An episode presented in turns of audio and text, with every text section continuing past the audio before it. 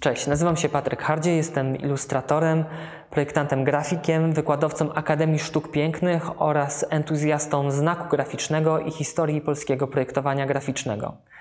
Chciałbym Wam dzisiaj opowiedzieć o CPN-ie, a tak naprawdę o identyfikacji wizualnej centrali produktów naftowych, bo tak brzmi pełna nazwa tego przedsiębiorstwa. Będę opowiadał o tym, jak y, powstawał znak CPN i dlaczego jest to tylko jeden z elementów większej układanki. CPN jako identyfikacja, jako system wizualny był niezwykły pod y, wieloma względami. Po pierwsze, był to jeden z najbardziej rozbudowanych systemów y, powstałych w, Polsce okresu PRL, a po drugie, y, do tego systemu powstała y, pierwsza y, księga identyfikacji wizualnej, o czym opowiem za chwilę. Jeżeli mówimy o początkach firmy Centrali Produktów Naftowych, należy wspomnieć postać Ignacego Łukasiewicza, polskiego farmaceuty oraz naukowca, który otworzył pierwszą w Polsce i jedną z pierwszych na świecie E, kopalni ropy naftowej. E, była, kopalnia, była to kopalnia naftowa w Bubrce koło Krosna. Przed wojną istniało także wiele firm, które wydobywaniem nafty się zajmowało na terenach Polski. Natomiast e, cały proceder został ukrócony poprzez działania wojenne. Niemcy wkraczając na ziemię polskie przejęli wszystkie magazyny oraz składy ropy, nafty oraz paliw płynnych i dopiero nafciarze y, lubelscy w około 1944 roku przejęli z powrotem y, te, te magazyny. Dało to początek powstania centrali produktów naftowych, czyli jak się później okazało, największego polskiego przedsiębiorstwa, największego tak naprawdę y, przez cały okres PRL-u, ponieważ CPN nie zajmował się tylko i wyłącznie sprzedażą paliwa na stacjach benzynowych, zajmował się także wydobyciem, dystrybucją i transportem wszelkiego rodzaju mm, produktów naftowych, w tym smarów, olejów i benzyny. W pewnym momencie w Polsce zaczęły powstawać stacje benzynowe pod szyldem CPN. Nie miały jednak spójnej identyfikacji wizualnej. Kazimierz Pierożyński, który był autorem pierwszego znaku CPN, czyli zamkniętego w kole e, układu trzech, trzech liter, stworzył tylko i wyłącznie znak. Na każdej stacji, na każdym dystrybutorze, na każdym prospekcie reklamowym e, ten symbol był używany w inny sposób. Czasem był e, używany jako wypełniony znak, czasem to był znak tylko i wyłącznie konturowy. Zmieniała się jego kolorystyka, stylistyka, zmieniały się także, zmieniało się także liternictwo. W pewnym momencie na fali od Wilży-Gomułkowskiej Centrala Produktów Naftowych postanowiła zmodernizować swoje urządzenia. Na przełomie 64 i 65 roku w Chorzowie odbył się wielki przegląd urządzeń technicznych, w którym przyznawano mm, wszelkim urządzeniom wyprodukowanym w Polsce trzy kategorie A, B lub C. W kategorii A znajdowały się urządzenia i maszyny, które były bardzo dobrej jakości, dorównywały wzorcom zachodnim. W kategorii B znajdowały się te, które wymagały modernizacji, a w kategorii C te, które nie nadawały się do dalszego użytkowania. Dystrybutor paliw płynnych CPN znalazł się w kategorii B. Centrala Produktów Naftowych postanowiła zlecić zadanie stworzenia nowego urządzenia trzem projektantom i inżynierom. Zespół pod przewodnictwem Ryszarda Bojara, w skład którego wchodził także Stefan Solik i Jerzy Słowikowski, przyjęli zlecenie. Zaczęli oni od opracowywania nowej formy, mm, zupełnie innej bryły dystrybutora, która była funkcjonalna pod względem ergonomicznym, miała także zupełnie inną formę plastyczną.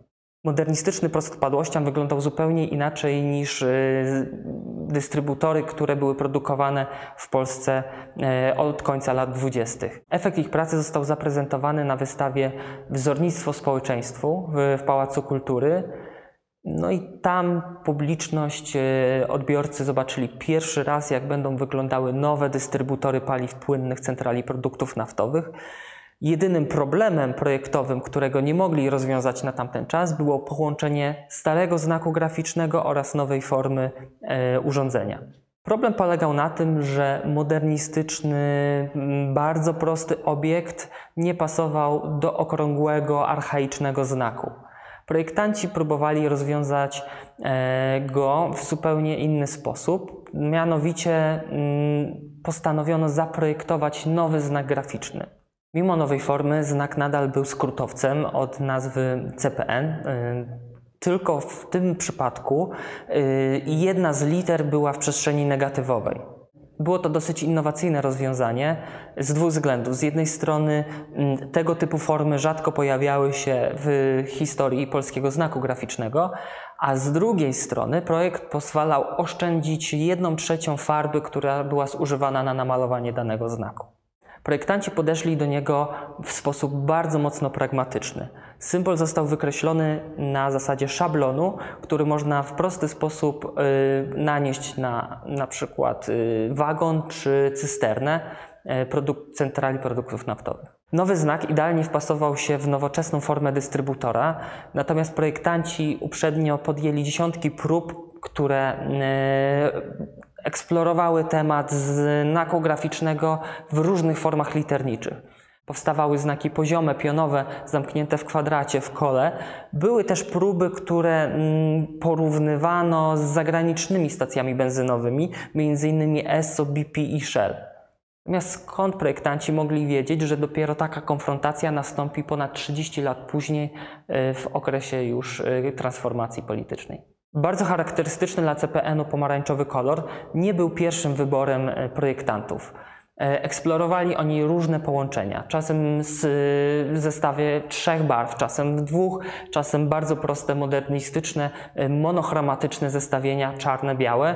Natomiast ostatecznie wybrano pomarańcz, zwany także czerwienią meksykańską, ponieważ kojarzył się z ubraniami, uniformami drogowców. Co do samej formy znaku, to był jeden z niewielu symboli, który posiadał bardzo wyraźną strukturę geometryczną. Siatka, na której był, oparty, e, była niemalże planem technicznym urządzenia, e, co było, stało w zupełnej sprzeczności z, ze znakami, które w Polsce tworzono w tamtym czasie. Znaki były malarskie, oczywiście bardzo dużo z nich było opartych na figurach geometrycznych, natomiast żaden nie funkcjonował w większym systemie. A taki był plan, żeby właśnie znak CPN-u, żeby te trzy litery były tylko początkiem do rozbudowanej identyfikacji wizualnej. Tym, co jeszcze rozróżnia znak CPN-u od innych znaków, które były projektowane w okresie PRL-u, jest między innymi fakt, że ma on trzech autorów. Znaki były zazwyczaj projektowane przez pojedynczych twórców, natomiast w tym przypadku Ryszard Bojar, Jerzy Słowikowski i Stefan Solik są równoprawnymi autorami tego projektu. Po bardzo dobrym przyjęciu yy, skrótowca, zaczęto myśleć nad rozwojem identyfikacji. Sam dystrybutor paliw płynnych nie wszedł do produkcji, natomiast projektanci skupili się na znaku i na rozwoju różnych elementów wizualnych. Ryszard Boyard pracował nad identyfikacją wizualną przez następne 35 lat. Na pierwszy ogień y, poszedł szyld świetlny, który wcześniej bardzo często mm, e, tworzony był przy pomocy techniki e, neonowej. Natomiast w tamtych czasach neony wydawały się już lekko przestarzałe, była to technika zawodna. Projektanci postanowili wbudować świetlówki do oszczędnej formy zbudowanej z tworzywa sztucznego, tak, aby po pierwsze e, taki kaseton był trwały, mm, nie brudził się, między innymi nie wlatywały tam owady, było bardzo dużo wytycznych, które musieli przestrzegać. W Polsce nie było technologii, aby można było mm, wykonać e, wytłoczkę w wielkości metr na metr, dlatego postanowiono skorzystać z urządzeń z zupełnie innej dziedziny.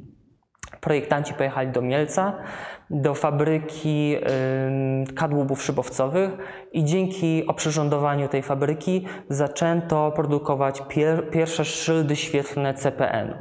Szyldy były produkowane w różnych wielkościach, y, ustawiane na różnego rodzaju konstrukcjach, tak aby były dobrze widoczne z daleka dla kierowców, nawet w gorszych uwarunkowaniach drogowych.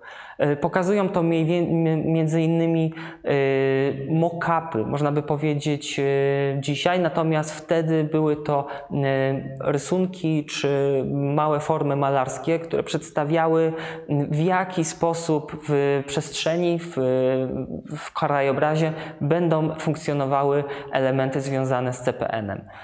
Na przykład na tym rysunku e, autorstwa Ryszarda Bojara widzimy planszę, m, billboard, y, które pokazuje, że do CPN zostały e, 3 km.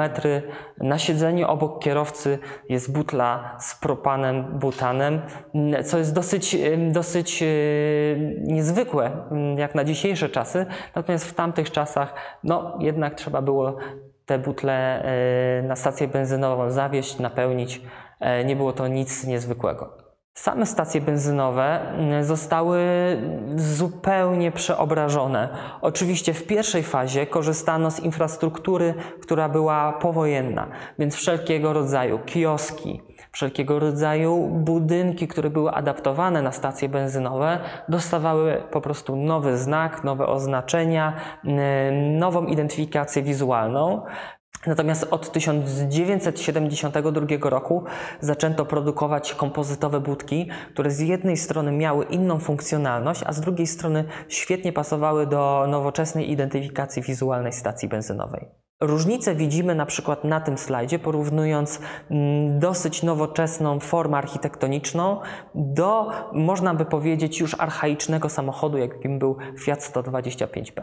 Rewolucję przeszło także cała mm, struktura oznakowań różnego rodzaju smarów, oznakowań produktów, które były mm, na stacji sprzedawane, w tym także różnego rodzaju prospektów i map informacyjnych. Projektanci postanowili, że najlepszym rozwiązaniem będzie zachować spójny, modernistyczny layout.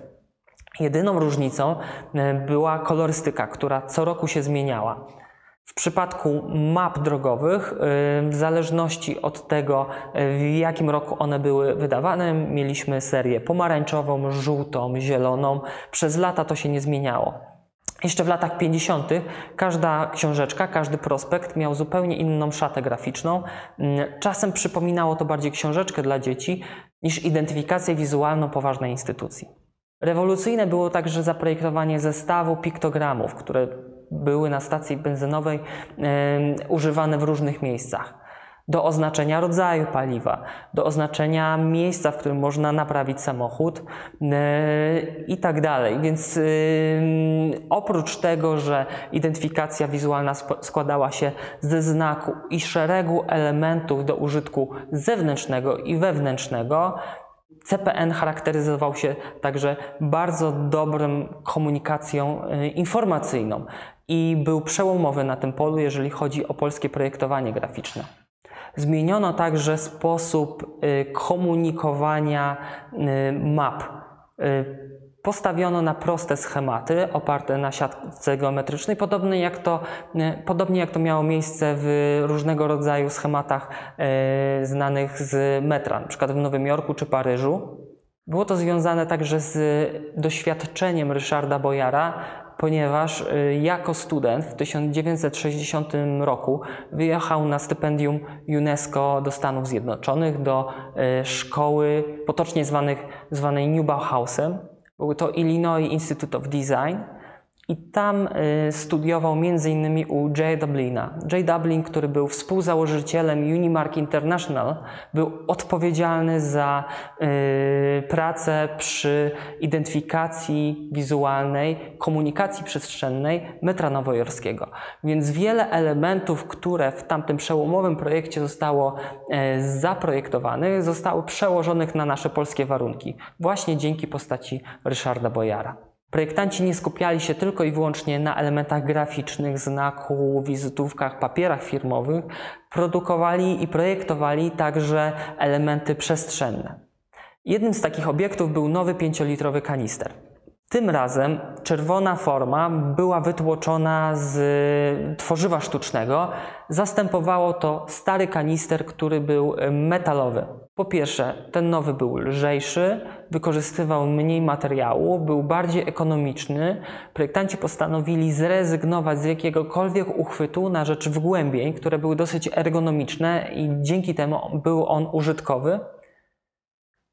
Całość y, wpisywała się świetnie w cały zamysł identyfikacji firmy jako przedsiębiorstwa nowoczesnego, opartego na nowych technologiach, z nowym rodzajem myślenia i służącego przede wszystkim użytkownikowi.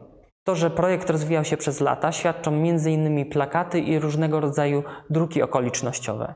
Jednym z takich druków jest plakat z okazji 40-lecia CPN-u z 1984 roku. Autorem plakatu jest Ryszard Bojar, natomiast sam plakat pokazuje w sposób zupełnie mm, minimalistyczny całą flotę y, centrali produktów naftowych. Od małego dystrybutora, poprzez y, ciężarówki, cysterny dostarczające paliwo, poprzez nawodne bunkierki i całą infrastrukturę wydobywniczą. Późniejszych latach na 50-lecie firmy stworzono także okolicznościowy znak graficzny, który umieszczano na różnego rodzaju pojazdach y, czy informatorach. Flota w latach 90. była już bardzo rozbudowana. Świadczy to o tym, że firma naprawdę stanowiła trzon polskiej gospodarki. Oprócz y, całego taboru kolejowego, oprócz y, różnego rodzaju cystern, y, CPN miał także flotę samolotów, które pomagały w dostarczaniu paliw w różne miejsca Polski. Założeniem identyfikacji wizualnej było uspójnienie wszelkich elementów, innymi wiatr stacji benzynowych. E, to, co było założeniem w latach 60., ziściło się w pełni dopiero w latach 90. To dopiero e, nowe warunki ekonomiczne i polityczne a także gospodarcze sprawiły, że stacje benzynowe CPN-u mogły być nowoczesnymi miejscami, w których można było nie tylko zatankować, ale także dobrze zjeść czy kupić ulubioną gazetę. Wiązało się to z tym, że konsekwentnie przez 30 lat projektanci spisywali wszelkie założenia, które pomagały w realizacji całościowego projektu. Musimy pamiętać, że kiedyś nie obowiązywały żadne normy kolorystyczne. Dopiero w latach 90. Ryszard Bojar we współpracy ze szwedzkim systemem kolorystycznym NCS mógł dobrać y, jedną barwę, która była powielana obojętnie, czy to na dystrybutorach, czy na y, innych elementach, y, w ten sam sposób. Jeżeli chodzi o samą księgę znaku, to y, zasady oczywiście powstawały od końca lat 60., do, dokładnie od 1969 roku. Natomiast dopiero 10 lat później e, wszystkie karty z identyfikacji wizualnej przybrały fizyczną postać w formie księgi identyfikacji. Inaczej mówiąc, spięto to w jeden katalog. Była to księga formatu mniej więcej A4, E, ułożona w poziomie, w której mieliśmy bardzo różne działy. Jednym z działów była m.in. identyfikacja recepcyjna, kolejnym identyfikacja e, administracyjna, innym identyfikacja techniczna, no i ostatnim identyfikacja promocyjna. Mm, dzięki takiemu ułożeniu księga bardzo dobrze opisywała różne zagadnienia i różną problematykę, z którą projektanci musieli się zmierzyć. Identyfikacja percepcyjna y, zakładała projekty m.in. prospektów informacyjnych, wizytówek firmowych, stroju firmowego, oznakowań pracowników, wystroju stacji paliw y, stałego i zmiennego. Ciekawą stroną w księdze jest y, karta, która pokazuje niedozwolone sposoby użycia znaku CPN.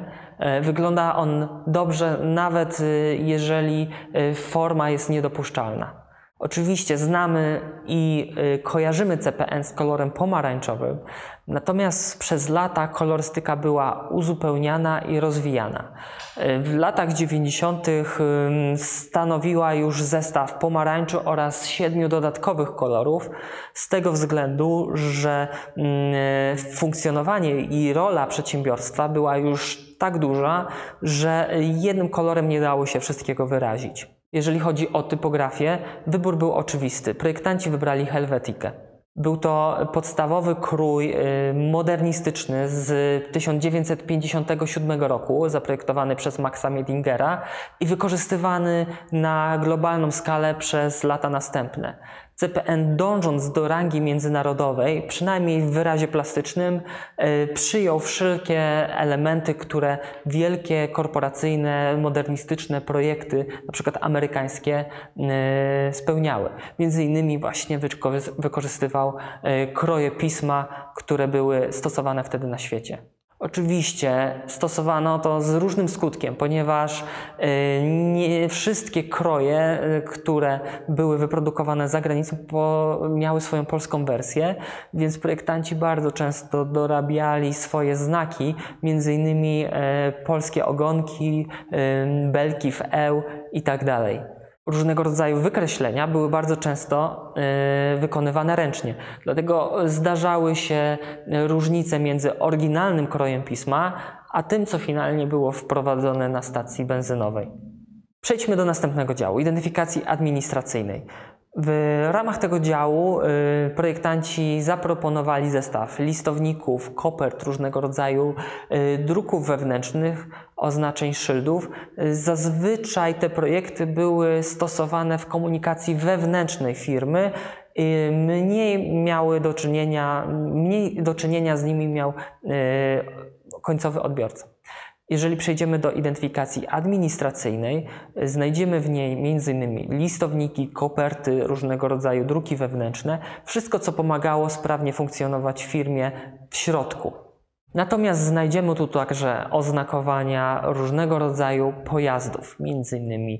cystern, e, samochodów, e, ciężarówek czy transportu taboru kolejowego.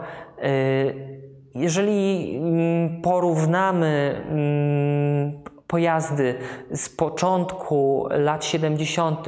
do tych, które funkcjonowały w latach 90., no widzimy dosyć dużą zmianę. Natomiast widzimy też, że identyfikacja wizualna CPN zmieniła się niewiele. Bardzo dużą zmianą było w pewnym momencie powołanie Dyrekcji Eksploatacji Cystern, w skrócie DEC. Znak dyrekcji został zaprojektowany również przez Ryszarda Bojara i funkcjonował na wszystkich cysternach taboru kolejowego e, w zestawieniu razem z, ze znakiem CPN. Przez to, że nowy znak, mimo że nowy znak był zaprojektowany na podobnej zasadzie co CPN, czyli jako szablon, to jego forma nie do końca komponowała się ze znakiem e, CPN-u, Rozwiązaniem było namalowanie skośnego pomarańczowego pasła. Kolejnym działem była identyfikacja techniczna, mm, w której y, zawarto oznakowania urządzeń, stacji paliw, y, różnego rodzaju opakowań i publikacji informacyjnych dla klientów. Innymi wspomnianego wcześniej kanistra czy całej identyfikacji mm, piktograficznej. Mimo, że piktogramy powinny być czytelne na pierwszy rzut oka, wiele z nich ma tutaj charakter ideograficzny i bez znajomości kontekstu nie jesteśmy w stanie ich y, odczytać. Natomiast pamiętajmy, że projektanci byli prekursorami, w, y, jeżeli chodzi o tą dziedzinę. Jednym z takich znaków jest czarny kluczyk z, ze skośnym napisem tank, co miał oznaczać, że nie powinniśmy tankować na włączonym silniku. Wspominałem wcześniej o studiach Ryszarda Biara w Stanach Zjednoczonych. Moim zdaniem system CPN-u w tej formie, w której powstał, nie mógłby być zrealizowany, gdyby nie nauczyciele, z którymi Ryszard Bojar miał do czynienia podczas całej e, swojej edukacji. Jednym z nich był Jerzy Sołtan, profesor e, Akademii Sztuk Pięknych w Warszawie, bliski współpracownik Le Corbusiera. To właśnie on polecił e, Ryszarda Bojara do stypendium międzynarodowego UNESCO. To właśnie podczas tego stypendium Ryszard Bojar e, zetknął się z dziedziną, z którą nie miał wcześniej do czynienia. To znaczy z projektowaniem informacyjnym, projektowaniem systemowym. Takie osobistości jak y, Jay Dublin czy Bucky Fuller wpłynęły na niego bardzo mocno jako człowieka oraz jako projektanta. Ryszard Bojar opowiadał, że jedno spotkanie z Bucky Fullerem dało mu więcej niż cały okres studiów. Trzeba przypomnieć, kim był Buckminster Fuller. Był on światowej sławy architektem, twórcą kopuł geodezyjnych. To właśnie jego architektoniczne struktury zainspirowały Ryszarda Bojara innymi do innowacyjnej formy kalendarza CPN-owskiego, który przez lata był wydawany właśnie w formie takiej dwunastościennej kostki. Można by powiedzieć, że y, system identyfikacji wizualnej CPN ukształtował y, polski branding w sposób pełny, ponieważ nigdy wcześniej nie było takiego projektu, a później każdy projekt był już naznaczony tym CPN-owskim znakiem. Jeżeli chodzi o samą centralę produktów naftowych, to funkcjonowała ona do 2000 roku, kiedy poprzez fuzję z Petrochemią Płocką powstał y, PKN Orlen. Na początku XX wieku znak CPN-u ostatecznie przestał być już stosowany, natomiast nigdy nie odszedł w zapomnienie. Świadczy to o tym, że starsze pokolenie na każdą stację benzynową, czy to by był Shell, Orlen czy BP, mówi, że jedzie na CPN. Ten fenomen językowy natknął mnie do tego, żeby zgłębić czym właściwie była identyfikacja CPN-u i dlaczego była taka ważna dla e, osób żyjących w PRL-u. Dzisiaj mamy bardzo dużo przykładów czerpania z tego znaku. Mamy plagiaty, które w sposób y, bardzo oczywisty nawiązują do, do symbolu i samej identyfikacji. Mamy fanów marki, którzy w różny sposób y, deklarują swoje przywiązanie. Y, takimi fanami są także starzy pracownicy, którzy bardzo często mówią o sobie, że płynie w nich pomarańczowa krew. Mamy nawet y, projekty architektoniczne, które nawiązują do y, znaku CPN. Jednym z takich projektów jest y, dom, który właśnie zbudowany na posesji, na której mieszkał kiedyś Ryszard Bojar. Nowi właściciele postanowili złożyć projektantowi hołd, a architekci zaprojektowali budynek, który jest oparty na planie przypominającym logo CPN-u. W Stanach Zjednoczonych i w ogóle na całym świecie wydaje się bardzo wiele pozycji, które dokumentują e, modernistyczne identyfikacje wizualne. E, taki reprint między innymi był przygotowany dla NASA, dla IBM-u, dla CBS, Canadian Broadcast Company.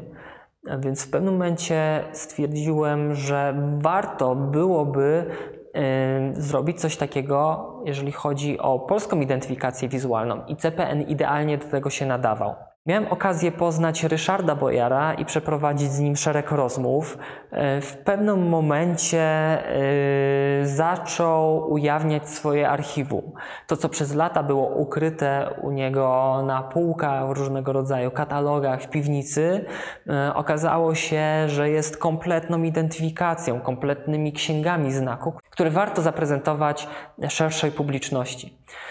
We współpracy z wydawnictwem Charakter oraz y, Orlenem y, stworzyliśmy książkę.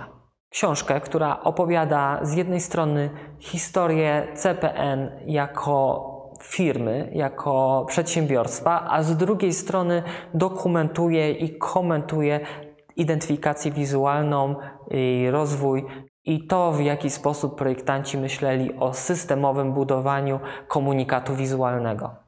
Książka w połowie składa się z e, informacji e, i materiału zdjęciowego, a druga jej część to przedruk, reprint w jeden do jeden księgi znaku. Chciałem w ten sposób uniknąć sytuacji, że mamy publikację, w której znajdują się tylko i wyłącznie księgi z manuala, natomiast nie wiemy w jakim kontekście one funkcjonowały i e, nie wiemy nic o ich historii.